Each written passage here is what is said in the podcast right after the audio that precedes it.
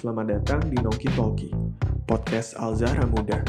Membahas mengenai berbagai macam hal menarik, dibalut dengan cara yang santai. Because we must learning everything with everyone. Oke ya teman-teman, kita bakalan bahas tentang sesuatu hal yang menarik. Eh seperti apa yang kita tahu, kita bakalan bahas tentang how to create an audio series. Intinya kita bakalan membedah apa itu audio series, apa itu eh berkarya. Ini mas banget ya berkarya gitu. Apa itu kita eh, audio series itu apaan dan sebagainya gitu. Karena mungkin bakalan banyak orang yang belum tahu ya. Karena audio series itu merupakan sesuatu hal yang baru ya di kalangan industri kreatif sekarang gitu di mana banyak orang yang menggunakan audio series untuk media mereka berkarya karena dirasa mungkin lebih efektif ya di mana zaman sekarang mungkin orang-orang juga udah mulai beralih ke Spotify untuk dengerin podcast dan sebagainya karena mereka mungkin merasa lebih bisa ngelakuin sesuatu sambil ngedengerin sesuatu juga gitu oke nah kita bakalan bagi jadi beberapa segmentasi yang pertama mungkin nanti saudara saya di samping saya ini Waduh. bakalan menjelaskan dulu sedikit tentang hal-hal general yang berhubungan dengan audio series. Nanti mungkin setelahnya kita bakalan open discuss di mana kita bakal diskusi, kita bakal ngobrol tentang apa itu audio series dan bagaimana membuat audio series itu sendiri. Dan yang Siap, terakhir mungkin nanti teman-teman juga yang join forum sama yang join live Instagram bisa eh, bertanya ke saudara saya di samping saya ini. Nanti bisa dijelasin sama dia dan semoga bisa menjawab apa yang teman-teman resahkan. Nah mungkin sebelumnya kita perkenalan dulu ya. Kalau saya mungkin eh, perkenalan singkat aja. Nama saya Opang. Orang-orang sering manggil saya Opang. Dan teman saya di samping saya ini saya bakal jelasin singkat namanya Gilang. Gilang Prata. Maulana Pratama. Oh ya Gilang Maulana Pratama. Nanti mungkin detailnya dia yang jelasin ya takut saya salah juga gitu. Oke, mangga saudara Pratama Waduh. Bisa menjelaskan singkat tentang Oke. diri Anda dulu baru masuk ke audio series. Siap. Assalamualaikum warahmatullahi wabarakatuh. Waalaikumsalam warahmatullahi wabarakatuh. Rabbi israh li sadri wa yassir li amri wahlul 'uqdatan min lisani yafqahu qawli. Em, selamat siang teman-teman. Mungkin eh, sebelum ke pembahasan bakal ngenalin diri dulu. Jadi eh, nama saya Gilang Maulana Pratama. Eh, saya merupakan bagian dari Al Zahra Kreatif dengan segmentasi Al Zahra Space. Dan apa ya mungkin eh, singkat gitu ya singkat eh, saya berkuliah di Universitas Pendidikan Indonesia jurusan perpustakaan dan eh, sains informasi. Dan sebelumnya yang mengucapkan banyak terima kasih gitu ke Al Zahra Muda yang sudah memberikan kesempatan yang sudah memfasilitasi eh, saya untuk membagikan sebuah apa ya sebuah ilmu walaupun ya saya nggak apa ya nggak nggak expert expert banget sih di bidang ini gitu. Tapi ya eh, alhamdulillah dengan adanya Alzara muda jadi ada kesempatan itu gitu untuk membagikan. Eh, dikarenakan ini kan ngebahas tentang eh, audio series gitu kan. Membahas tentang audio series terus kalau misalkan ditanya apakah ada hubungannya perkuliahan saya di perpustakaan gitu dengan audio series yang eh, sekarang kita bahas gitu. Jadi jawabannya tuh nyambung banget gitu karena eh, di topik eh, mata kuliah saya ada namanya kemas ulang informasi.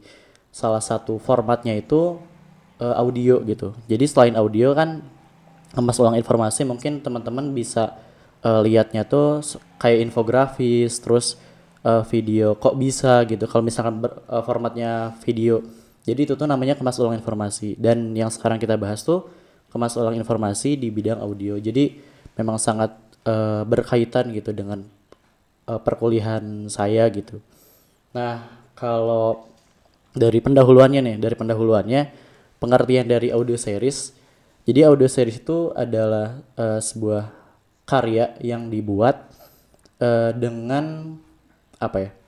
Yang didukung oleh eh, au- jadi format karyanya itu audio yang didukung oleh dialog, eh, musik dan efek suara gitu. Jadi memang tanpa tanpa visual. Kalau misalkan kalau misalkan dibandingkan dengan film gitu kalau film kan audio visual kalau audio series itu tanpa visual gitu tapi dukungannya tetap sama yaitu ada dialog terus musik dan efek suara nah kalau kita lihat uh, perkembangannya gitu perkembangannya entah di dunia atau di Indonesia gitu karya audio series ini sebenarnya udah dari lama gitu dari 1940 tuh sebenarnya lagi rame-ramenya radio gitu. Jadi belum ada TV masih masih ramenya orang-orang denger radio. Ada satu hiburan yang uh, banyak orang sukai yaitu kalau di Indonesia namanya itu uh, sandiwara radio gitu. Jadi sandiwara radio itu uh, biasanya kalau di Indonesia uh, menceritakan cerita rakyat terus cerita tentang uh, cerita rakyat kerajaan atau cerita rakyat sehari-hari gitu. Jadi sebenarnya udah ada dari dulu dan namanya kalau di Indonesia namanya sandiwara radio. Dan kalau ngelihat jenisnya ya ngelihat jenisnya uh, dengan apa yang saya tahu jenis dari audio series tuh ada dua gitu. Jadi yang pertama uh, ada audio series yang ceritanya tuh dibawakan uh, oleh jadi di dalam ceritanya tuh banyak tokoh tapi dibawakan oleh satu orang gitu. Jadi uh, kayak ya kita uh, kecil suka didongengin kan sama orang tua atau sama guru. Nah, guru itu tuh kan ngambil di ceritanya banyak tokoh tuh, tapi dibawakan oleh satu orang gitu. Nah, jenis yang kedua ada sebuah cerita yang di dalamnya banyak tokoh, tokohnya tuh dibawakan oleh banyak orang gitu. Jadi satu orang satu tokoh. Kalau tadi, kalau yang pertama satu orang ngambil banyak tokoh. Jadi apa ya beda perbedaannya tuh di situ gitu. Dan uh, kalau sepengalaman saya gitu, sepengalaman saya uh, sebelum uh, oh ya jadi kan di Alzara Space tuh ada satu karya yang yang mungkin teman-teman udah denger gitu kan. Itu itu juga masuk ke audio series. Kalau itu masuk jenis yang kedua gitu yang satu tokoh itu satu orang. Nah yang sebelumnya sebelumnya saya uh, pernah diajak oleh dosen gitu uh, ikut penelitiannya ikut proyeknya di mana uh, namanya tuh nara nara cerita jadi udah ada di web gitu. Nah di sana tuh orang-orang bisa upload cerita rakyat di daerahnya lalu uh, saya diajak untuk mengisi suara gitu. Nah bedanya kalau di nara cerita itu uh, saya ya ceritanya uh, banyak tokoh tapi dibawakan oleh satu orang gitu jadi jenisnya berbeda mungkin sama yang Anjani gitu yang satu orang tuh satu tokoh lah Uh, mungkin itu dari jenis-jenisnya gitu, jenis-jenis audio series. Nah, kalau dari uh, apa ya? Kalau dari kelebihannya nih, kelebihan dari audio series bedanya kalau zaman dulu ya tadi udah disebutin gitu 1940 kenapa rame banget, kenapa orang-orang suka ya karena apa ya? Kayak cuma radio gitu hiburan yang apa ya? Yang nggak langsung, jadi kayak cuma radio si medianya. TV eh, belum ada, tapi ke, setelah TV udah ada si sandiwara radio itu tuh mulai menurun gitu. Nah kalau sekarang kelebihan yang bisa dibawakan oleh audio series adalah jadi yang pertama uh, bedanya dengan menonton film dan membaca buku kalau kedua aktivitas itu mah maksudnya uh, kalau menonton film sama membaca buku itu kita harus fokus gitu sama uh, apa yang kita tonton atau apa yang kita baca. Bedanya kalau audio series saat kita mendengarkan audio series kita bisa sambil mengerjakan aktivitas yang lain gitu. Jadi kelebihannya tuh itu. Uh, mungkin lagi bersepeda atau ngerjain tugas gitu ya orang bisa uh, denger audio series ini gitu. Uh, nah selain itu bedanya mungkin ya sama film juga gitu ya dibandingkannya uh, kalau film orang-orang uh, misalkan gini misalnya film Harry Potter gitu misalnya film Harry Potter Nah setelah orang menonton, uh, ya orang yang nonton udah tahu gitu wajah ya atau perawakan atau gaya bicara dari Harry Potter tuh kayak gimana gitu karena kan udah diliatin tuh uh, visualnya seperti ini. Nah kalau uh, audio series atau bahkan buku juga sama itu tuh apa ya sebuah karya yang membuat pendengar atau pembacanya tuh lebih bereksplorasi gitu. Jadi theater of mind-nya tuh uh, apa namanya tuh jadi lebih aktif lah dari menonton film gitu. Jadi kan kalau misalnya audio series eh, Anjani misalkan atau apalah cerita apa dibawakan dengan audio series eh, pendengar tuh ya bisa bereksplorasi kira-kira wajah dari tokoh utama tuh kayak gimana sih. Nah, beda kan kalau filmnya udah diliatin eh, wajahnya seperti ini. Nah, kalau audio series ya si apa ya si pembaca eh si pendengar lah yang bisa eh, lebih bereksplorasi wajahnya kayak gimana gitu atau eh, gaya tubuhnya kayak gimana. Nah, mungkin itu gitu dari kelebihan yang utamanya. Jadi yang pertama tadi eh, bisa sambil aktivitas, terus yang kedua theater of mind si pendengarnya bisa lebih bereksplorasi gitu dari karya-karya yang lain.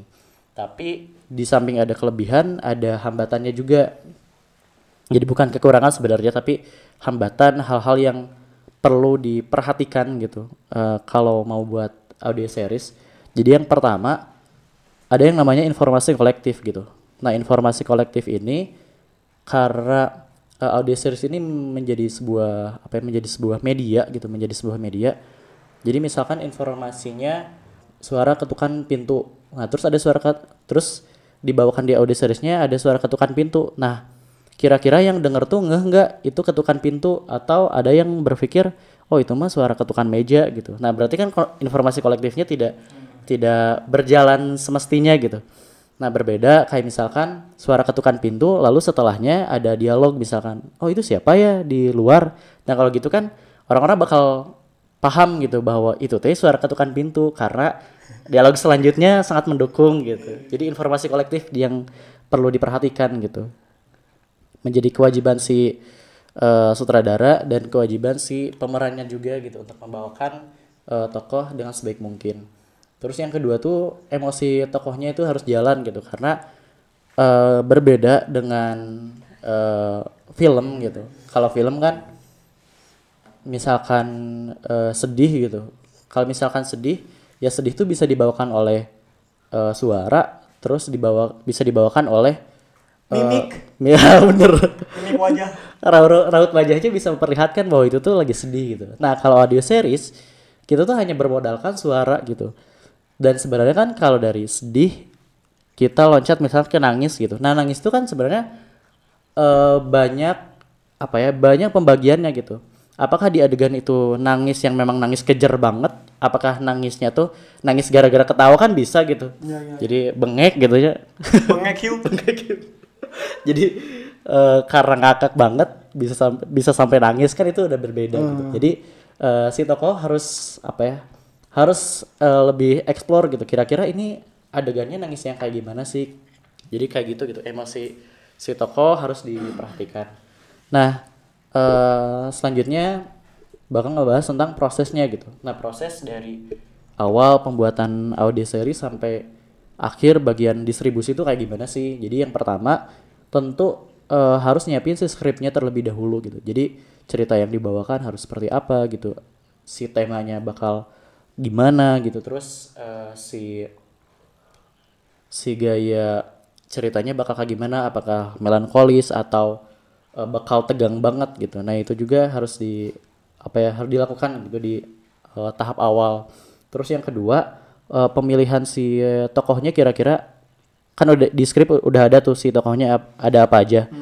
Nah eh, selanjutnya memilih kira-kira tokoh A misalkan misalkan tokoh A kira-kira enaknya dibawakan oleh siapa ya gitu. Jadi ngambil si ngerekrut si orangnya lah untuk eh, mengisi suara kira-kira siapa gitu. Dan kalau di voice apa ya voice over kayak gini gitu eh, sebenarnya nggak nggak terbatas usia gitu. Kadang ada tokoh ibu-ibu dibawakan oleh eh, yang umur 20 tahun misalkan. Jadi memang yang diperhatikan tuh sebenarnya bukan umurnya gitu tapi lebih ke karakter suaranya. Kalau karakter suaranya sudah mumpuni gitu udah di eh, ibu-ibu gitu karakternya ya bisa dipakai gitu jadi kadang mungkin dari teman-teman juga eh, pernah lihat kayak misalkan Daber Naruto gitu kan Naruto kan sebenarnya kalau dilihat dari perawakannya itu anak muda banget gitu kan tapi ternyata yang dibawakan oleh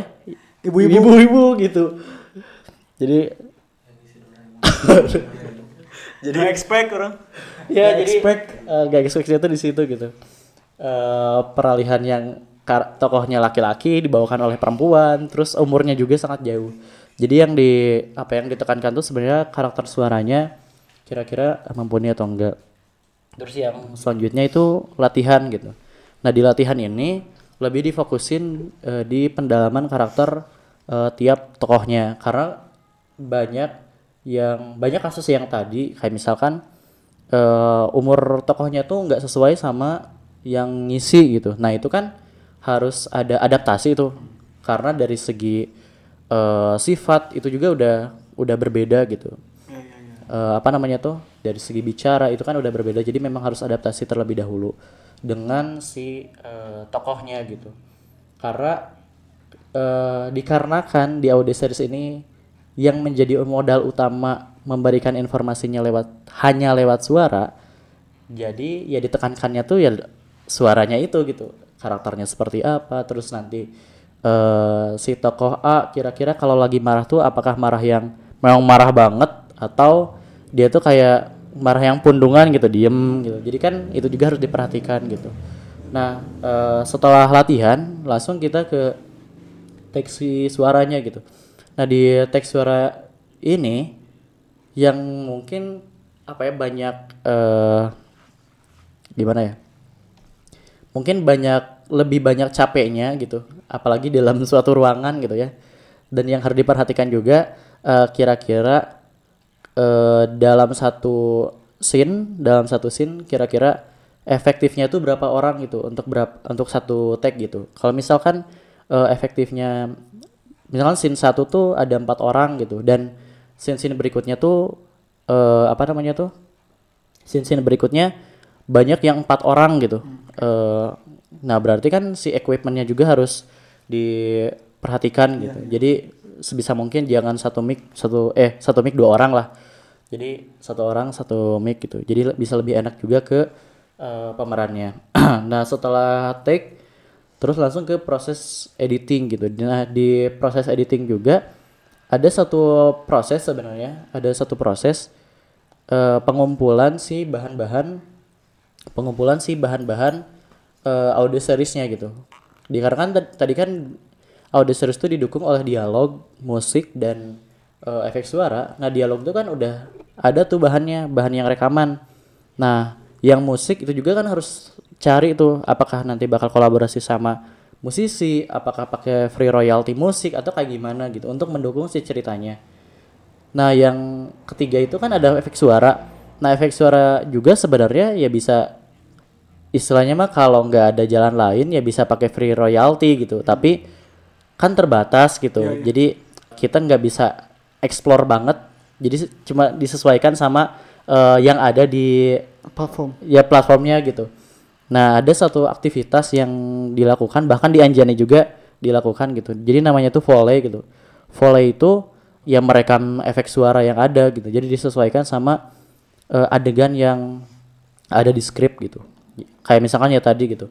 eh, suara pintu misalkan ya nanti tinggal direkam suara pintu gitu dan eh, kalau bisa melakukan volley sendiri maksudnya nggak nggak nggak ngedownload eh, bahan yang ada di internet ya kita bisa explore kayak tadi kayak misalkan nutup pintu gitu nah nutup pintu itu kan sebenarnya banyak gitu apakah nutup pintu pas lagi marah otomatis kan eh, apa namanya tuh? Kencang kencang banget tuh.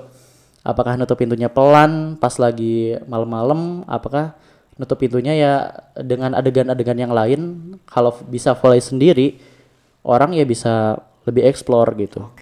Nah setelah di eh, siapkan tuh bahan-bahannya terus nanti diedit disesuaikan juga. Nah ini juga sebenarnya yang harus diperhatikan gitu. Pas proses pengeditan yang kalau di Anjani kemarin mungkin eh, yang apa ya yang sound engineering gitu Bayu gitu ya. Yang nama, namanya Bayu yang ngurus suara. Jadi dari sound engineering yang paling diperhatiin sebenarnya keseimbangan si suaranya gitu. Jadi nggak terlalu semuanya sama antara dialog musik efek suara semuanya bertabrakan ya nggak kayak gitu gitu. Jadi ada satu eh, fase di mana musiknya lebih kenceng terus nanti ada satu fase di mana musik tuh kayak cuma jadi pengiring doang pengiring dialog gitu jadi ini sebenarnya yang bisa eh apa ya memungkinkan revisi banyak gitu karena keseimbangan itu tuh yang eh, kurang diperhatikan. Nah, setelah diedit langsung ke proses distribusi.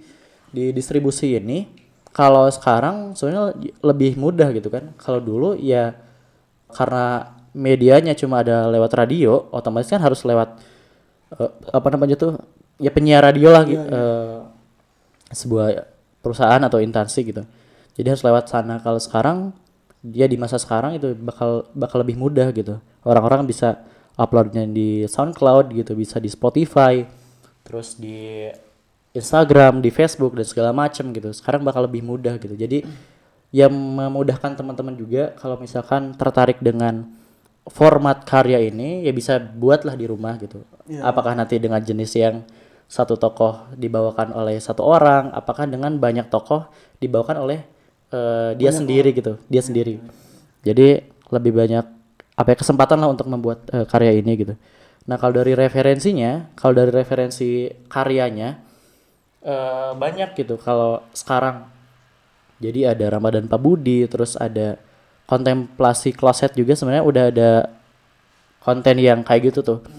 Dan eh, yang terakhir ya karya dari Alzara kreatif gitu dari Alzara Space. Jadi ya dari Anjani gitu. Jadi. Kasih lihat lah logo bajunya, kasih lihat lah logo bajunya. namanya juga tuh kali saya lihat. Jadi eh, ya itulah re- Ciri. referensi yang bisa kalian dengarkan gitu, bisa kalian nikmati agar makin semangat lah untuk membuat karya. Ya coba-cobalah ya eh, audio series ini di- bisa dipakai gitu. Mungkin seperti itu. Oke, berarti intinya adalah kalau misalkan audio series itu berarti kan format yang udah udah lama lah ya adanya gitu. Ya. Dari zaman kemerdekaan juga kan kemerdekaan Indonesia disiarkan di radio. Iya, betul. Ya kan? Eh, ada fase di mana audio series ini tidak apa ya, tidak begitu populer lagi gitu karena masuknya TV, masuknya Ya. YouTube gitu kan, masuknya platform-platform lain yang emang mereka memprovide eh, audiovisual Iya. yang lebih apa ya, yang lebih bisa menggambarkan apa yang emang ingin disampaikan gitu. Hmm. Nah, berarti kan intinya gini audio series itu adalah format karya yang dibuat gitu ya, format karya yang dibuat. Nah, apakah semua karya bisa dikonversi ke audio series atau cuman karya-karya tertentu aja gitu? Misalkan saya, sorry kasar. Misalkan nih saya mau buat suatu short movie, Iya. misalkan short movie-nya itu judulnya misalkan eh, bulan jatuh di tangan kamu. Asik. eh bagus juga itu. Bagus juga. Nah someday misalkan orang nggak punya budget cukup untuk buat filmnya. Nah apakah orang bisa konversi ke audio series atau audio series itu hanya untuk beberapa karya tertentu aja Nah, berarti konversi kan? Iya, Dia eh, rencananya mau bikin film, terus malahan ke ah, kira-kira audio series nih. Iya, gitu. Kira-kira bisa atau enggak? kan kalau misalkan dibuat dari awal audio series mah ya pasti gua audio series akhirnya gitu Iya, iya betul betul. Nah kalau dari eh, buku, misalnya dari buku ke audio series gitu, Hmm. nah, di- itu mah memang ada buku audio series atau buku ke eh, film itu ya ada aktivitasnya gitu, aktivis ya aktivitasnya namanya ekranasi gitu. Nah kalau eh, kasus yang tadi ketika dia mau bikin film, terus ternyata budgetnya kurang, eh, bisa nggak sih kalau ambil yang audio series ya jawabannya bisa-bisa aja gitu. Tapi memang yang harus di apa ya harus ada adaptasi. Karena oke. tadi kan kalau film tuh audio visual kalau audio series tuh audio doang. Sehingga harus ada ada- adaptasi. Kayak misalkan skripnya eh, ada satu tokoh yang bilang ayo kita pergi ke sana atau eh, ah apa itu? gitu. Nah misalkan kayak gitu. Kalau di audio kan ah itu apa? gitu kan jadi bingung. Jadi harus ada ada eh, harus ada adaptasi lagi. Entah itu nanti misalkan eh di audio seriesnya lagi ah apa itu? Langsung nanti dijawab oh itu mah gini gini gini. Oh, iya, iya, disebutin oke, gitu. oke, oke, kayak gitu. Jadi memang adalah adaptasinya. Jadi ideal ya, maksudnya ideal-ideal aja gitu untuk untuk dibuat. Tapi adanya adaptasi mungkin jadi suatu pertimbangan baru gitu. ya Orang tertarik sama suatu statement Gilang tadi ya. Dia bilang tadi kalau misalkan audio series ini tuh ada faktor yang cukup berpengaruh dalam pembuatannya yaitu informasi apa sih? Kolektif. gitu. Informasi kolektif ini eh orang juga baru nggak ternyata gitu kenapa orang bisa ngerti tentang apa yang dibilangin di audio series itu ya karena ada penjelasan dan kita sepakat sama itu Iya, gitu. semuanya. Tadi orang juga setuju sama Gilang gitu pas ada yang suara ngetok pintu pasti suaranya nggak akan jauh beda sama yang ngetok meja gitu. Iya, betul. Kan sama-sama dari kayu kan? Betul. Kayu jati lagi gitu kan. Jadi maksudnya dari segi material bahan, dari segi suara yang dikeluarkan pasti bakalan sama gitu. Hmm. Nah yang membuat kita tahu, oh itu pintu tuh tadi kan respon dari si yang Respon. dengar gitu. Hmm. Berarti intinya part paling penting nih yang membuat audio series berbeda dengan audio visual selain dengan visual dan audio ya apa gitu? Kalau perbedaannya eh, Iya perbedaan paling signifikan dan paling penting. paling signifikan kalau paling signifikan sebenarnya yang tadi gitu jadi yang informasi kolektif sama theater of mind gitu kayak misalkan tadi eh, informasi kolektif juga kalau nonton film kembali lagi ya kalau nonton film orang-orang harus stay banget tuh di layarnya kalau di audio series itu tuh ya bisa sambil ngerjain apa pun gitu Apa pun teh apa boy? tidur misalkan sambil tidur Ya, mau tidur mah ya dengerin dong. tiduran tiduran tiduran tapi matanya ditutup Oh iya benar benar. Ya bener kan? Iya, bener, Jadi yang film tidak. Jadi dan eh, yang signifikan banget ya tadi gitu. Informasi kolektif sama eh, theater, of, mind, ya. Oke. Dan yang tadi juga sebenarnya yang contoh gitu ya yang ketuk pintu, ketuk pintu kan orang-orang bisa mikirnya wah itu mah suara ketukan meja gitu Atau lemari. atau lemari kan bisa lemantun gitu kan. nah, orang-orang bisa ngerti itu ketukan pintu karena ya didukung oleh elemen yang lain. Jadi bukan bukan hanya eh, dialognya saja. Kan kan kan kalau tadi dialog tuh eh, itu siapa ya? Itu dialog. Tapi ada juga yang dibantu oleh musik gitu. Eh Iya, bukan iya, musik iya, sih, oke, efek suara. oke, oke. Misalkan efek suaranya lagi hujan, terus eh, ketukan pintu terus ditutup efek suara hujannya jadi Lebih eh, kecil harusnya le- kan. lebih kecil. Nah, otomatis kan wah itu mah kayaknya pintunya ditutup gitu. Atau Nah, itu mah pintu. aja gedenya kan jendelanya dulu tutup jendelanya. Astagfirullah. Tanpa jendela kayaknya. Kita Oke, oke. Ya kayak gitu lah. Nah berarti intinya eh, yang membuat perbedaan signifikan ya di antara audio visual dan audio series ini, eh bukan audio, audio series, audio visual dan audio, karya audio gitu kan, di informasi kolektif dan theater, Theater of, of mind, mind. gitu. Nah kalau misalkan tentang theater of mind nih, Hmm. kan kadang-kadang ada nih yang yang orang yang suka sama novel tertentu nih, Hmm. suka sama buku tertentu, tiba-tiba diangkat ke film, terus dia ngomong, ah kecewa ah gara-gara ini aku jadi rusak nih eh, pandangan awal aku sama karakter-karakternya gitu. Iya. Nah apakah experience yang sama juga didapat di audio series? Experience yang sama maksudnya eh, hambatan gitu kan tadi hambatannya Iya, iya, hambatan. eh, nah sih wajahnya kayak gini gitu. Nah, kalau Iya, di iya. audio series mungkin yang jadi hambatan adalah karakter suaranya gitu. Jadi kan karena oh iya. Eh, pas baca buku kita ya pakai suara kita kita, kan terus ah ini mah kira-kira suaranya kari- karismatik gitu tokoh utama tapi kalau di audio series ya mungkin yang bikin orang eh, apa ya kecewa gitu ya tadi karakter suaranya eh kok tokoh, tokoh utama malah suaranya kayak gini sih paling kayak Oke, gitu oke. Berarti ya tetap Tuh, aja gitu ya. tetap aja. Experience-nya bakalan ada berbeda gitu Tapi, daripada iya, baca berbeda. buku. Tapi theater of mind yang dibangun di audio series juga bakalan apa ya? Sama pentingnya kayak kita membangun theater of mind pas kita baca buku gitu ya. iya Nah, kalau misalkan ini orang mau nanya ke Gilang personal nih. siap Gilang personal lebih suka untuk membuat karya audiovisual atau audio aja? audio heeh. Kalau sekarang jadi yang karena ini tuh sebenarnya baru banget gitunya kalau tadi udah di apa namanya tuh udah dijelasin gitu sebenarnya sandiwara radio tuh udah dari lama. Oke. udah dari lama dan eh, pas adanya TV terus sekarang platform visual jadi lebih banyak gitu eh si itu tuh jadi turun kan si sandiwara radio jadi turun terus saya, saya tuh teringat eh, sama kata-kata Handoko kemarin Anda ke mana? Handoko Hendriono bener kan namanya jadi Join nggak Google Meet ya nggak? Enggak kayaknya. Jadi ada kini dan kuno. eh kalau yang kuno tuh sekarang menjadi kekinian dan kini bisa eh, berdampingan dengan sesuatu yang kuno. Jadi orang-orang tuh setelah tadi gitu, misalnya orang tua kita yang dulu denger sandiwara radio, terus apa ya, punya pengalaman yang sama gitu dengan kita, setelah kita sekarang nih bisa ngerasain oh ternyata ada karya yang kayak gini gitu. Jadi kayak dihidupkan kembali lah si audio series itu. Dan bisa lebih rame juga gitu. Nah karena baru gitu ya eh, saya juga baru eh, bikin satu audio series dan kayak tertarik banget gitunya eh, dengan karya ini gitu. Kalau untuk sekarang ya paling di audio series gitu Eh, Oke, berarti kalau misalkan secara personal Gilang lebih suka membuat audio audio series ya gitu.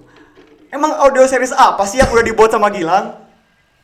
masa kamu nggak tahu Wih, tunjukin dulu lah lagunya. udah kelihatan lah Emang audio series apa sih yang dibuat sama Gilang? nah eh, karena tadi kan aku udah saya udah bilang eh, baru bikin audio series nih nah audio series tuh dibikinnya di Alzara Space berjudul Anjani gitu dan teman-teman juga udah udah bisa denger tuh udah bisa denger di Spotify Spotify-nya Alzara Kreatif atau pantengin aja gitu di Instagram Alzara Space gitu di sana juga ada di bio eh, linknya jadi kalian bisa langsung akses untuk dengar episode 1 sampai episode 5 seperti itu Oh, berarti udah pernah membuat suatu karya audio series ya intinya. Udah lah. Dan judulnya Anjani. Anjani Sama kayak baju saya dong. saya juga Waduh. Kok sama? Berarti- emang emang udah disupport ya sama Anjani hari ini gitu. Iya. Nah berarti menarik nih kalau misalkan emang Gilang menjadi orang yang pernah membuat audio series. Nah kita bedah nih audio seriesnya gitu. Siap. Eh, kenapa sih pada akhirnya gitu bisa menimbulkan keinginan untuk membuat audio series di mana mungkin pasar audio series saat ini tuh masih jarang ya maksudnya jarang ada orang yang aware tentang audio series gitu kebanyakan orang-orang kalau misalkan nyari hiburan ya mereka pasti buka film buka series series yang di Netflix di mana pun gitu yang emang lebih lebih entertain lah gitu lebih Ya. lebih puguh gitu kalau misalkan emang ingin menghibur diri gitu tapi kenapa pada akhirnya membuat keinginan dalam diri sendiri bahwa aku ingin buat audio series Oke. Kalau dari keinginan mungkin ini apa ya? Lebih ngomongin si Alzar Space-nya gitu karena Oke. Platform Alzar Space gitu. Karena sebenarnya kalau ngomongin tentang Alzar Space jangan sedih ya tuh kalau enggak enggak. si eh, karakter Alzar Space tuh dibawakan oleh satu warna yaitu warna merah gitu dengan tagline eh, semangat dengan semangat kolaboratif gitu. Lingkungan kreatif semangat kolaboratif.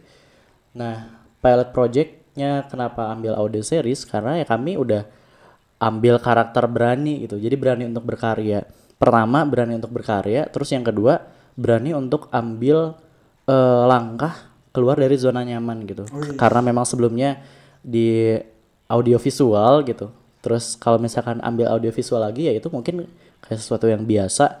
Dan ternyata fenomena fenomenanya sekarang ada format yang baru nih ada audio series. Terus kita karena tadi karak karakternya berani gitu berani untuk berkarya ya udah kita ambil aja gitu si Oke. audio series itu gitu dan be- apa ya sebelum kita buat kan kita banyak riset dulu kita kira-kira apa yang dibutuhin di audio series terus kira-kira karakternya kayak gimana sih audio series gitu sehingga ya kami makin mantap gitu untuk bikin ya udahlah kita audio series gitu untuk jadi pilot project gitu oke, oke. maksudnya pilot project gitu berarti coba-coba intinya kan ya?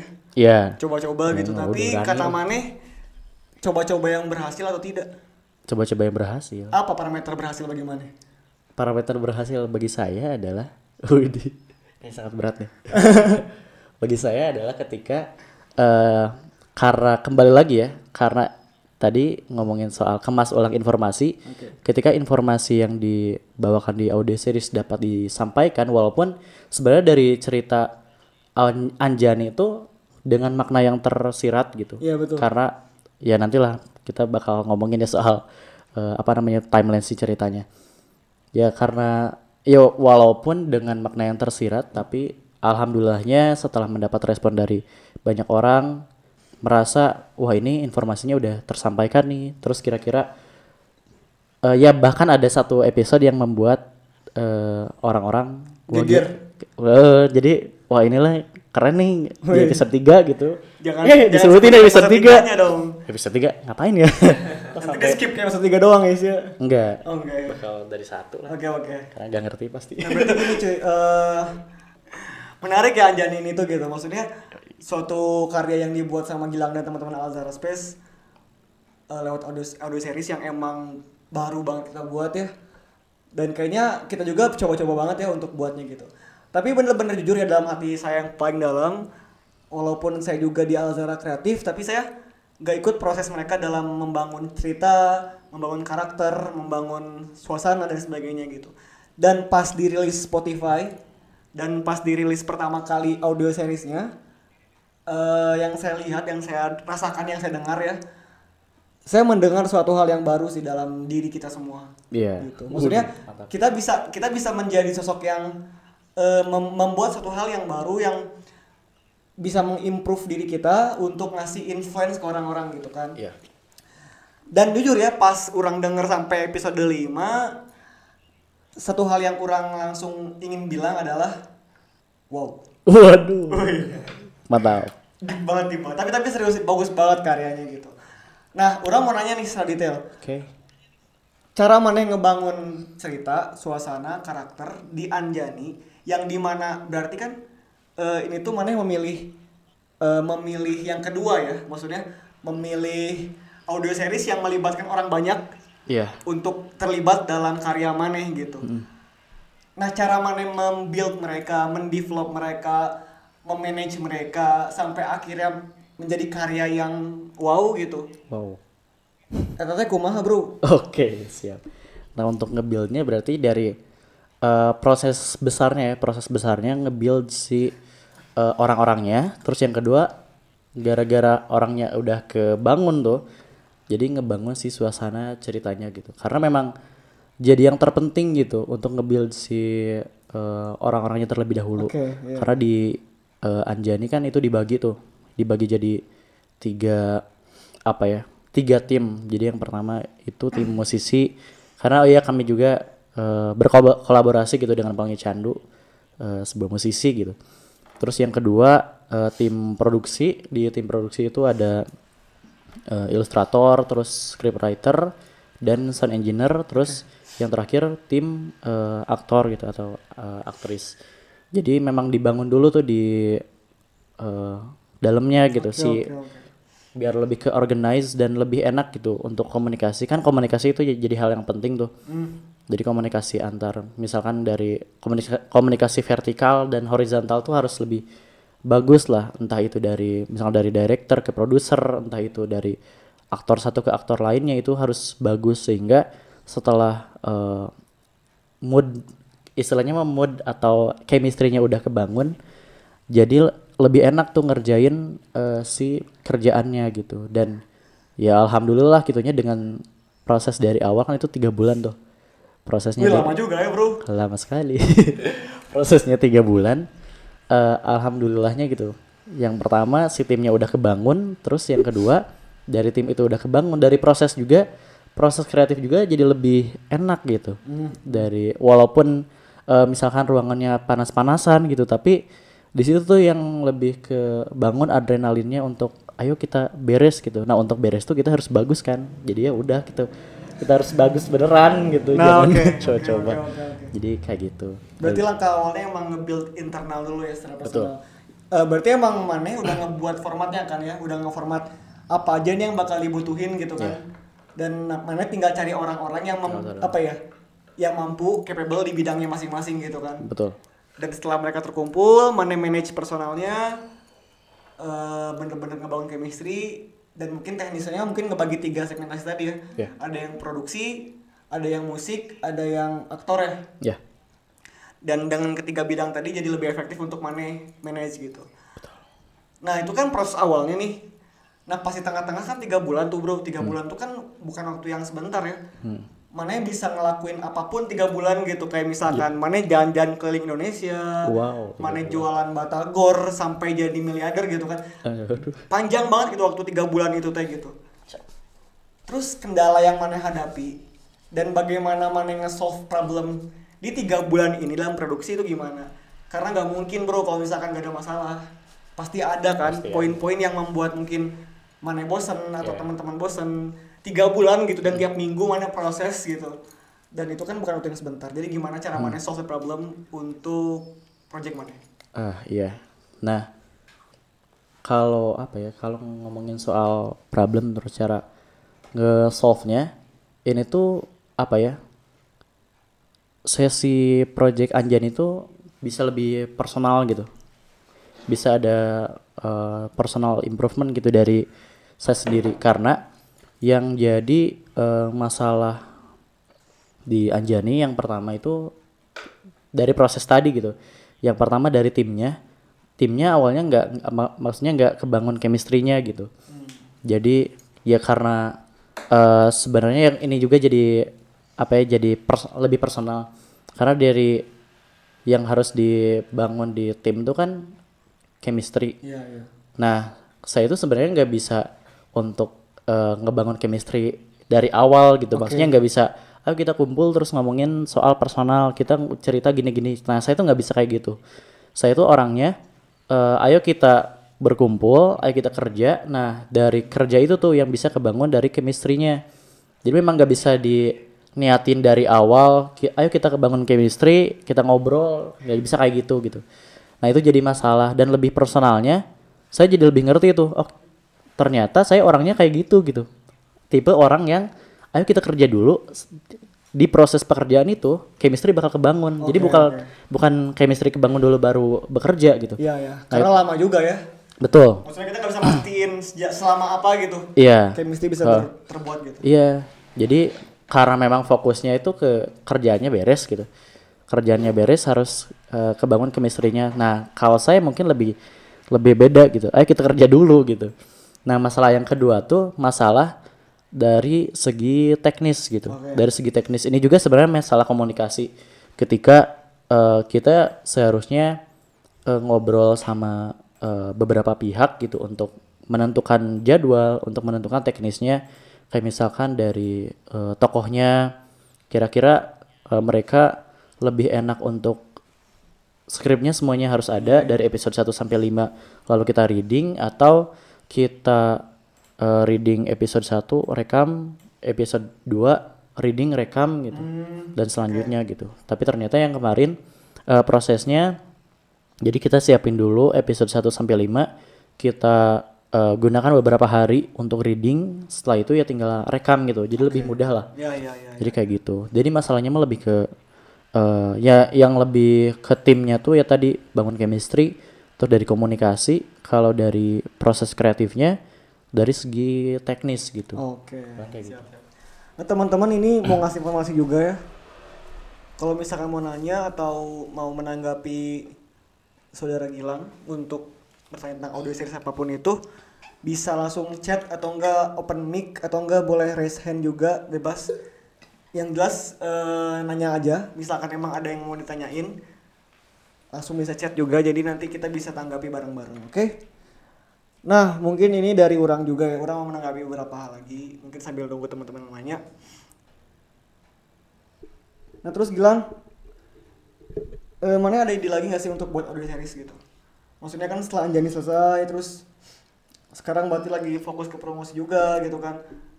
Tapi kan maksudnya dalam dalam naluri mana sebagai eh apa ya? Sebagai seorang seniman, seorang Waduh, seniman. Ya seorang seniman karya kan ya sih. Betul. Semua orang yang memiliki seni dalam jiwanya itu seniman dan kita semua seniman ya sih. Iya kan? Nah jadi eh, ada nggak sih mana keinginan untuk membuat suatu audio series lain gitu dalam waktu dekat atau enggak dalam waktu yang mungkin akan agak lama? Karena mana kan udah merasakan prosesnya di, di Anjani ya, Ya. pahit enaknya dan sebagainya gitu. Dan misalkan emang ada nih, mana udah punya ide tentang ceritanya gimana atau atau bakalan gimana audio seriesnya? Nah, eh, kalau dari rencana sendiri, apakah bakal buat audio series atau enggak gitu? Nah, Al Zahra Space, insya Allah di tahun 2001 bakal ri- rilis lagi tuh eh, audio series gitu. Untuk ceritanya seperti apa? Dari proses kreatif kemarin, entah itu proses kreatif dan proses tim, tentu kan banyak evaluasi tuh Iya, iya. eh evaluasi teknis atau dan segala macam gitu. Nah, eh, sebisa mungkin di audio series yang selanjutnya meminimalisir kesalahan-kesalahan yang udah ada gitu.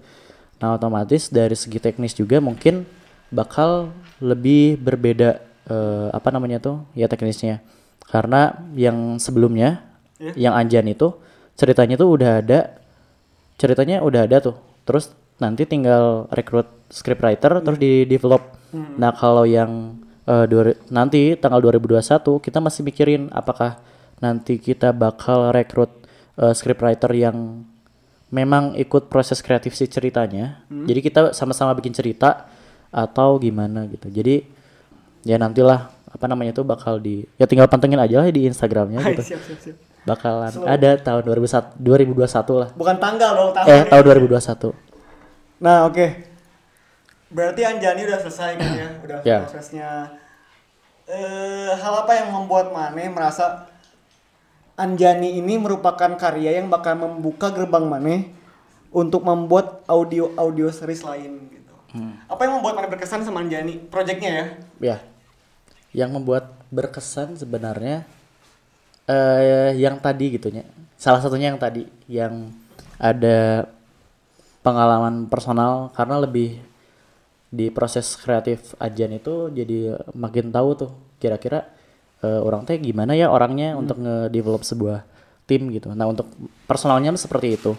Nah, untuk eh, apa yang membuat orang bikin saya membuat eh, audio audio series yang lain ya karena penasaran gitu. Karena yang kemarin dengan ya walaupun eh, puas gitu dengan hasilnya, tapi karena di balik kepuasan itu tuh banyak eh, kesalahan-kesalahan ya meminimalisir kesalahan itulah yang bikin greget gitu. Oke. Eh, nanti 2021 jangan ada kesalahan ini nih. Jadi ada kesan seperti itulah. Dan apa ya pengen ini juga sih pengen mensosialisasikan gitu ke eh, orang lain juga bahwa ada loh eh, karya yang nggak melulu soal audiovisual gitu, Oke, tapi ada karya yang eh, dibawakan hanya lewat suara gitu. Oke, nice. Thank you.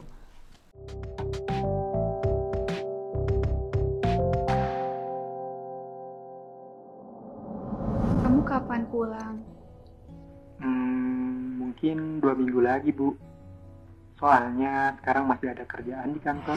Terus, kamu udah ngapain aja ha, sama lingkungan itu? Kelar-kelar nyuruh orang buang sampah pada tempatnya. Menjaga lingkungan. Omong kosong. Bahkan sampai hari ini pun kau masih numpang sama ibu dan belum bisa ngasih apa-apa. Kamu udah berbakti apa sama ibu? Jakarta teh meni panas pisan. Waktu kemarin, ibu sendirian di rumah. Kamu ke mana, Lam? Alam lagi di Jakarta, Kang. Kan lagi Udah aku bilang kamu gak tahu dan gak paham, Mam. Oh, kamu merasa paling tahu sekarang. Dengerin semua episodenya hanya di Spotify Alzara Space. Mana yakin atas apa yang mana buat di Anjani juga dan bisa membuat suatu karya yang baru gitu ya untuk untuk kalangan kita dan orang-orang juga di kalangan kita gitu. Nah kalau misalkan emang berkesan buat Maneh atas proses dan sebagainya, emang Anjani itu ngomongin tentang apa sih? Maksudnya kita kan udah ngebahas tadi tentang teknisnya, personal Maneh, secara orang yang buat, timnya gimana dan sampai ke tahapan-tahapannya kita udah bahas. Tapi intinya Anjani itu ngomongin apa dan kenapa orang-orang harus eh, harus dengar benefitnya apa buat mereka gitu kan? Karena itu kan mungkin alasan-alasan yang mereka tanya ya kayak Ya. kenapa aing harus nonton audio series mana gitu. Ya. kenapa sih orang harus nonton Anjani? Eh harus dengerin Anjani? gitu. Apa sih yang Anjani omongin? Apa yang sih yang Anjani ingin sampaikan? Dan mana selaku direkturnya mungkin bisa menjelaskan dan bisa membagi ke kita biar kita bisa interest untuk dengar Nah, kalau dari Anjani sendiri, sinopsisnya ya, sinopsisnya Anjani itu eh, adalah sebuah cerita di mana ada sebuah keluarga, di mana keluarga itu ada eh, ibu seorang Anjani dan tiga orang anaknya, Guntur, Alam dan eh, Putri gitu.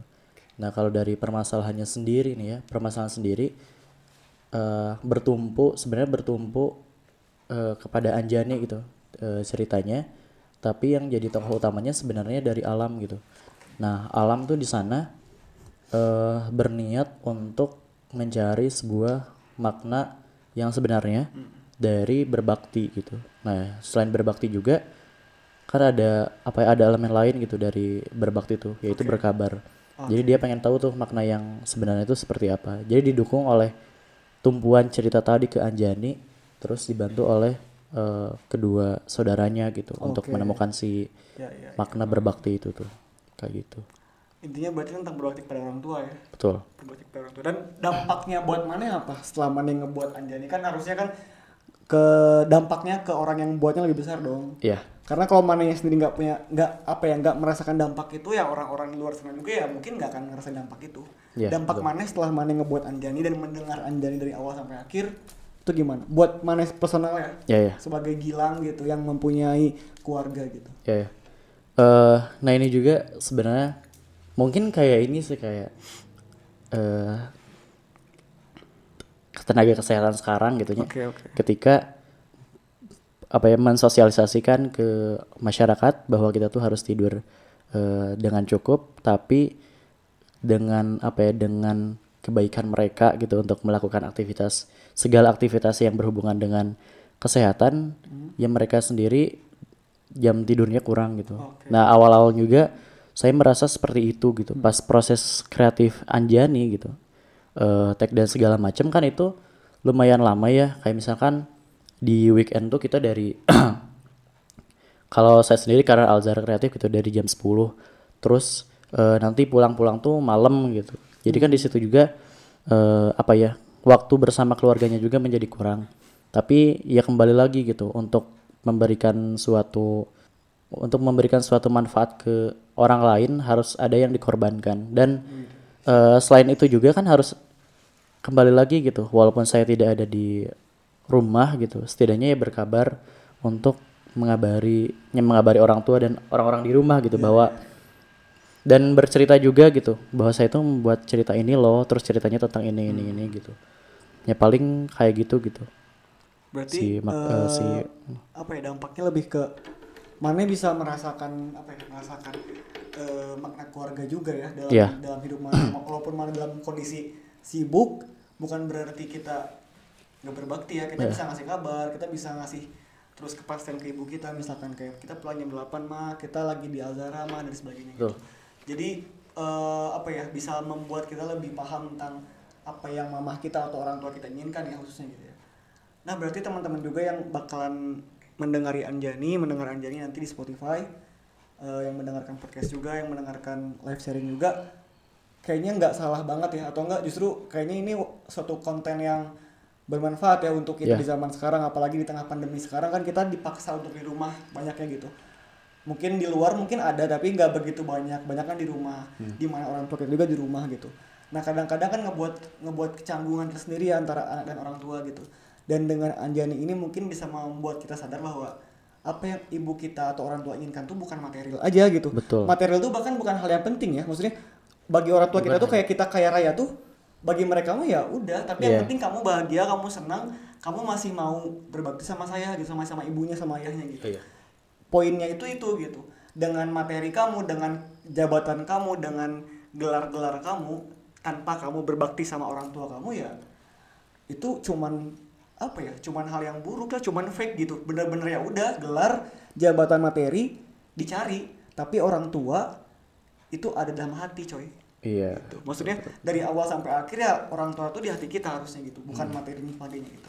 Nah berarti eh, untuk Anjani ini kita bisa lihat bahwa Anjani itu punya proses yang kompleks dan how to appreciate it gitu. Kita gimana caranya mengapresiasi ini ya kita dengar Anjani di Spotify kita dukung apa ya dukung konten-konten menarik di mana pun ya nggak cuman Alzara gitu maksudnya konten-konten di Indonesia di mana pun itu orang-orang Indonesia yang buat kontennya ya didukung sama kita jangan sampai kita apa ya kita acuh gitu karena konten-konten atau enggak karya-karya yang tumbuh itu juga datang karena orang yang mensupport orang yang mengapresiasi gitu bukan Ya. cuman orang yang buat gitu karena kalau misalkan cuman orang yang buat kontennya atau orang yang buat karyanya tanpa ada yang support ya konten ini bakalan jadi konten aja nggak akan jadi konten bermanfaat karena Ya. bermanfaat itu intinya saat kita membuat sesuatu dan orang lain bisa merasakan apa yang kita buat gitu iya betul betul betul Nah sekarang kita bakal tanggapi dulu pertanyaan-pertanyaannya. Teman-teman yang mau nanya juga mangga bisa chat langsung di eh, chat Google Meet-nya karena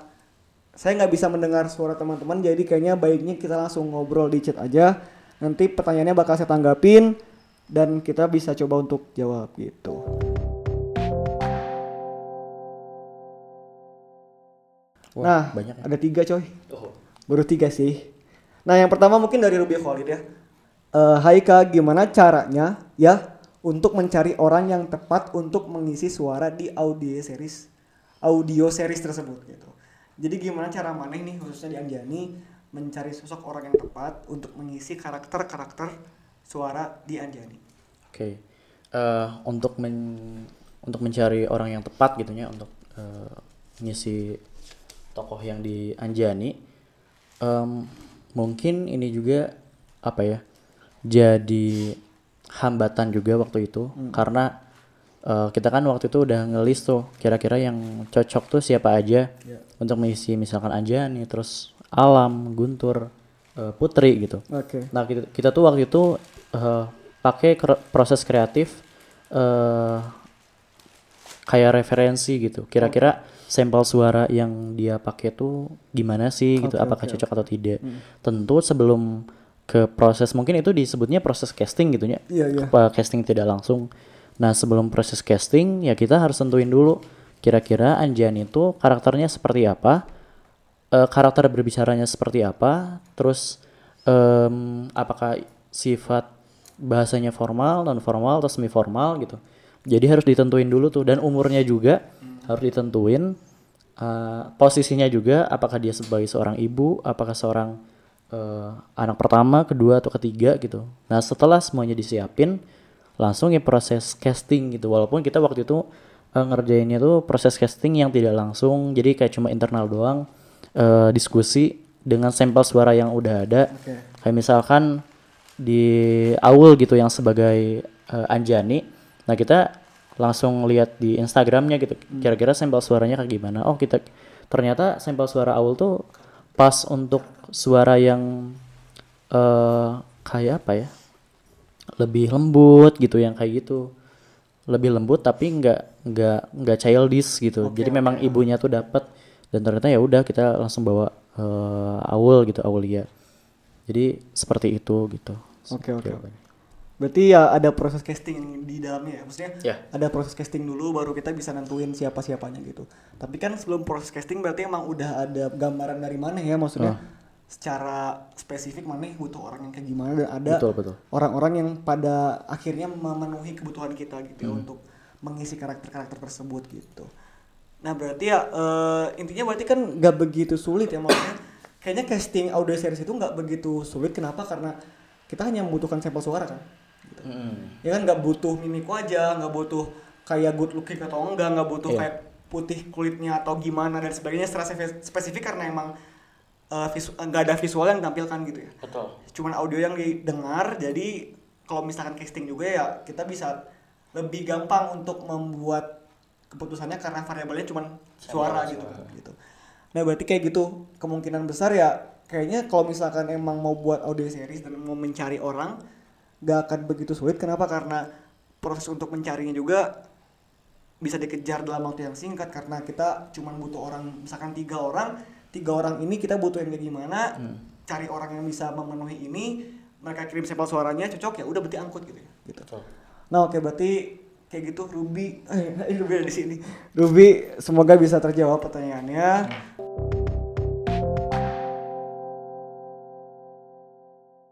dan next question dari Citra. Kalau mau ikutan next projectnya nanti ada rekrutmen gitu atau gimana kak? Oke. Ke depannya gimana tuh? Nah kalau dari rekrutmennya sendiri gitu, karena eh, sebenarnya di Desember itu kan kita baru tiga bulan tuh eh, kemarin dari mulai proses terus dari eh, perilisan audio series gitu. Nah sekarang tuh lagi mempersiapkan eh, project yang selanjutnya. Jadi masih plan gitu, Eh, masih belum inilah masih belum ditentukan apakah nanti kita bakal eh, buka pendaftaran untuk eh, mengisi audio series atau kita sendiri yang langsung rekrut gitu. Tapi ya kembali lagi mungkin pantengin aja sih di Instagramnya gitu. Jadi mereka kalian juga bisa dapat informasi di sana. Mungkin seperti itu. oke oke oke Jadi belum ada ini sih keputusan. belum ada keputusannya tapi kalau misalkan nanti teman-teman yang mendengar eh, sharing ini yang mendengar nongkrong ini ada yang tertarik mungkin bisa ngabarin kita ya Ya. siapa tahu bisa kita apa ya kita keep juga dan kita bisa lebih tenang karena ada orang yang udah kita bisa keep gitu ya gitu Oke, thank you Citra udah nanya. Next question mungkin dari Adi. Izin bertanya kak, bagaimana caranya menemukan talent yang pas untuk tokoh yang diperankan pada cerita yang dibuat? Dan bagaimana juga cara kakak untuk membangun talent jika talent yang didapat kurang pas dengan penokohan cerita? Oke. Ngerti nggak mana? Ngerti. Yang pertama itu mungkin udah kejawab. Udah Ya, jawab yang ya? Robi. Yang jawab ya. Terus yang kedua eh kira-kira mungkin kalau si talentnya itu pas udah direkrut ternyata kurang cocok si karakter suaranya kira-kira gimana gitu. Nah, kalau terjadi seperti itu gitu. Jadi karena kembali lagi gitu di dunia eh, suara ini tidak terbatas oleh eh, usia. Iya. Jadi terkadang ya ada kasus kayak tadi gitu, ibu-ibu harus diperankan oleh umur yang 20 tahun. Terus dibantunya tuh harus kayak gimana sih? Nah, memang ada apa ya teknik-teknik tertentu gitu di eh, voice over tuh gitu. Oke. Ada teknik-teknik tertentu yang membuat jadi kan gini, karakter suara se- seseorang tuh kan nggak nggak nggak dilihat dari nggak cuma dilihat dari cempreng atau eh, beratnya. Oke, oke. tapi ada elemen-elemen lain tuh entah itu dari misalkan dari intonasi apakah nanti dari tone suara. Nah di situ juga bakal eh apa ya terbangun gitu. Kalau misalkan kasusnya yang tadi eh, umurnya 20 tahun tapi harus meranin yang ibu-ibu ya. berarti misalkan si tone suaranya tuh harus di lebih lebih direndahin harus lebih dilembutin. Karena kalau pakai tone suara yang tinggi itu tuh jadi lebih ceria gitu. Oke, Wo- oke. ma- maksudnya nggak nggak bilang bahwa orang tua nggak bisa ceria ya tapi dilihat dari tadi informasi kolektifnya. Iya, iya, iya. informasi kolektifnya kira-kira ibu-ibu kebanyakan kayak gimana sih gitu? Apakah pakai suara tone yang tinggi banget? Kayak anak-anak kayak anak TK lah yang ceria banget atau dengan tone suara yang rendah gitu. Dan dari ini juga sih selain intonasi tone terus dari tempo juga eh, apa namanya tuh bakal suaranya bakal lebih cepet atau lambat nah di situ juga bakal nentuin tuh eh, kira-kira pas nggak sih si pem- si orang itu tuh meranin tokoh ini gitu Oke. jadi ada itu lebih ke teknis sih untuk nge ngebangun lah Iya, ngebangun sih. Tapi misalkan mana yang udah ngeterima dia nih, udah nge-approve dia untuk apa ya, join ke project Anjani atau project apa pun yang mana udah atau yang bakal mana buat juga ya. Di tengah kan dia kan ngirim sampel suara tuh dan kata mana ini bagus nih buat eh, karakter kita nih, tokoh kita dan sebagainya gitu. Tapi di tengah-tengah tiba-tiba pas dia masuk ke tahapan baca skrip gitu reading, ternyata nggak cocok gitu. Kurang. Kuring gitu nggak nggak cocok lah atau kayak aduh anda ini kayaknya bukan bukan karakternya sih tapi Iya. kenapa pas dikirim bagus gitu kan? Ya. nah itu gimana cara mana ngatasinnya kan nggak mungkin dia di kick juga gitu. Nggak mungkin. Nggak mungkin di kick kan tapi ya kalau misalkan mentok mah ya di kick lah gitu. Iya kalau ya kalau mentok mah gitu ya kalau udah nggak ada jalan mah di kick gitu kan. Cuman kan nggak mungkin ya di kick itu jadi, jadi apa ya, jadi Jalan solusi utama. yang pertama gitu. tidak. Gimana cara mana manage orang yang kayak gitu gitu? Karena dia Eh. pada awalnya bagus pas di tengah-tengah ternyata kuring gitu. Nah, Nadio. sebenarnya yang ini ya yang jadi yang jadi hal menarik juga di proses kreatif Anjani itu ada satu tokoh bernama eh, Guntur. Guntur tuh jadi eh, anak pertama dari eh, Ibu Anjani. Nah dia tuh suara apa ya karakter dirinya tuh karismatik. Terus kalau marah nggak terlalu eh, apa ya nggak terlalu marah banget gitu jadi lebih apa lebih bijaksana lah untuk eh, memahami sebuah situasi. Nah Guntur itu diperankan oleh eh, Kemal Taufik Fikri gitu. Pas oh iya. Kemal Taufik Fikri. Asing ada panjang. kalau Kemal Taufik Fikri. Nah sebelumnya dia udah oh ini pas banget gitu untuk ngisi gitu ya.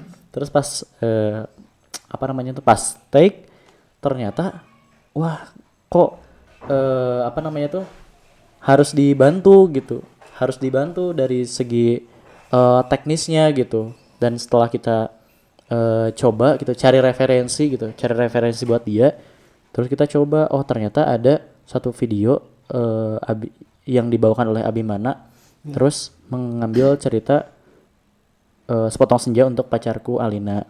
Nah dia kan suaranya berat banget tuh. Ya ya. Nah, setelah si Kemal di briefing eh, mal pakai teknik suara yang kayak gini mal biar lebih karismatik biar lebih ke eh, gunturnya lebih dapet terus si Kemal tuh lucunya kalau setiap take s- setiap sebelum take dia tuh harus nonton Abimana dulu Oh iya. jadi lebih menyesuaikan kayak gitu gitu lucunya tuh kayak gitu, Oh gitu. jadi oke oke oke ngerti ngerti. kirain ma- apa ya kirain bercanda gitu tapi ternyata pas eh, misalkan baru mulai si eh, take-nya gitu ha- hari itu. Setelah setelah baru mulai dia coba ternyata nggak pas terus pas ditontonin Abimana pas gitu jadi Oke. memang di situ ada apa ya ada keunikan tersendiri gitu dari proses kreatif Anjan itu dan solusinya ya tadi dari segi teknis dan eh, mungkin bisa ngasih eh, referensi gitu Oke. oke. kira-kira nih suaranya kayak gini nih gitu Oke. untuk karakter ini tuh Paling Berarti kayak masih bisa di solve lah ya gitu. masih bisa maksudnya. di solve nggak mesti di kick juga kan bisa gitu kita bangun bareng-bareng dengan referensi-referensinya mungkin. Tapi ada yang mungkin kita harus korbanin kayak waktu mungkin Iya. dan tenaga yang lebih ekstra untuk bantu teman kita untuk bisa lebih mantap gitu untuk meranin karakternya gitu. Nah oke deh next question ya terakhir mungkin ini kayaknya dari Farhan. Mau nanya dong kak. Sebelumnya terima kasih banyak nih materinya bagus. Wih gokil juga nih bro. Tipsnya tips mungkin tips singkat ya gimana cara bikin audio series gitu yang simple singkat dan dari mulai ide sampai ke diangkat jadi eksekusi yang siap saji itu gimana sih mungkin lebih ini step by step dan variabel-variabel yang harus dipenuhi tiap stepnya gitu Oke. Em, karena tadi udah dijelasin si jenisnya ada dua. iya Kita ambil yang paling simple aja ya. yang paling simple Paling simple aja.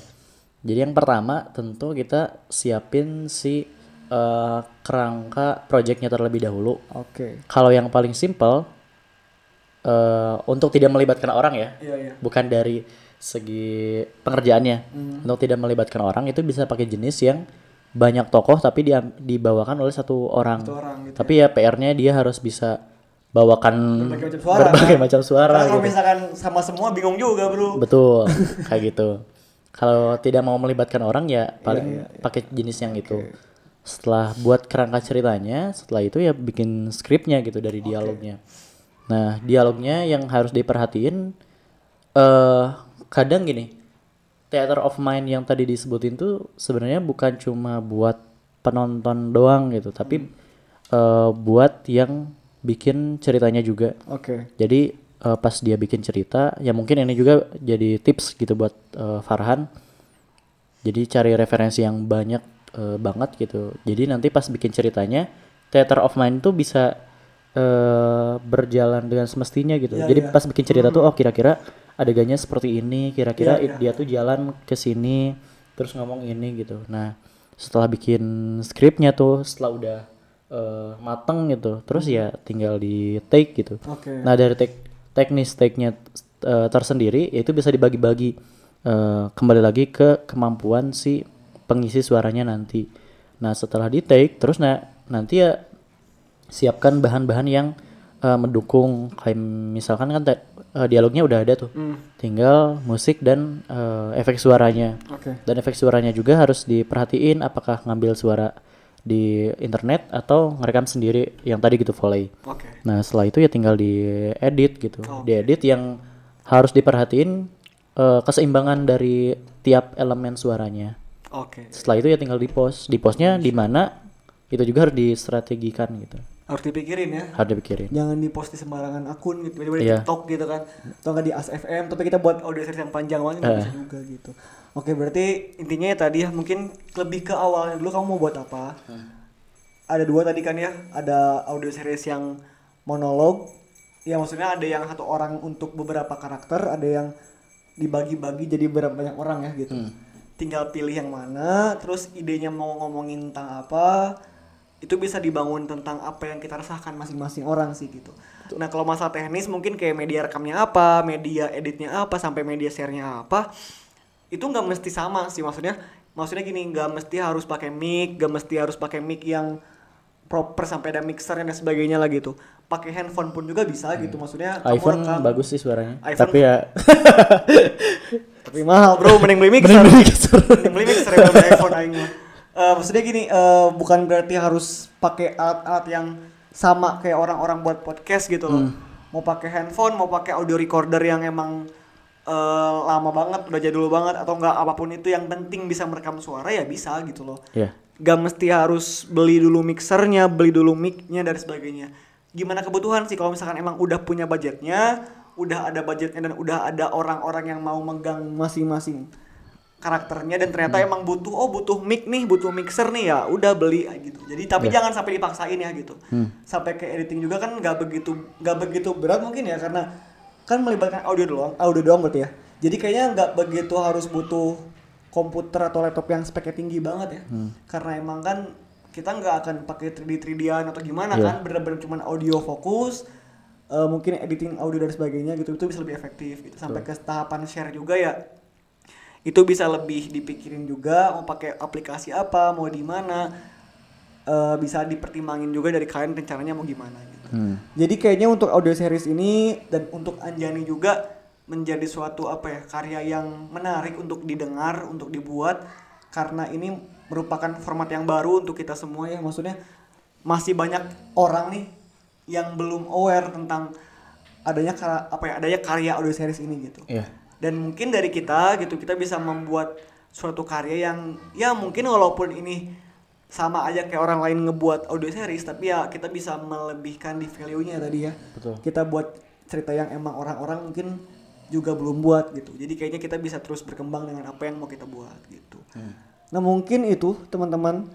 Sebelumnya ada lagi yang mau nanya nggak? Kalau misalkan ada yang mau nanya bisa dikasih last apa ya last slot lah untuk kalian gitu. Cuman kalau misalnya emang nggak ada, kayaknya sambil nunggu mereka, Gilang mungkin bisa ngasih sedikit apa ya closing statement lah, atau kesimpulan dari keseluruhan yang padat, rapat, singkat, biar orang-orang bisa terngiang-ngiang terus gitu. Tentang audio series dan tentang Anjani mungkin gitu. Iya. Eh, untuk closing statementnya, jadi mungkin bakal ngambil dari Al Zahar Space gitu. Eh, untuk membangun tagline Al Zahar Space kan lingkungan kreatif semangat kolaboratif. Mungkin itu juga bisa eh, dibangun gitu di eh, benak teman-teman gitu. Karena zaman sekarang kan zamannya kolaborasi. Dan sebenarnya kolaborasi itu udah ada di eh, identitas nilai budaya eh, masyarakat kita gitu Betul, yaitu gotong royong gitu royong. kan jadi sebenarnya udah ada eh, di di Indonesia gitu Iya, iya, iya. jadi ya eh, untuk apa ya ya tadi gitu eh, semangat kolaboratif dan lingkungan eh lingkungan kreatif dan semangat kolaboratif yang bisa terbangun gitu di teman-teman dan untuk eh, Anjaninya sendiri mungkin saya bakal ngambil eh, dua quotes yang ada di Anjani Hmm. Dan ini juga apa ya sangat menggambarkan sangat eh, merangkum semua cerita jadi konklusi lah yang ada di Anjani. Jadi yang pertama itu tentang berkabar gitu.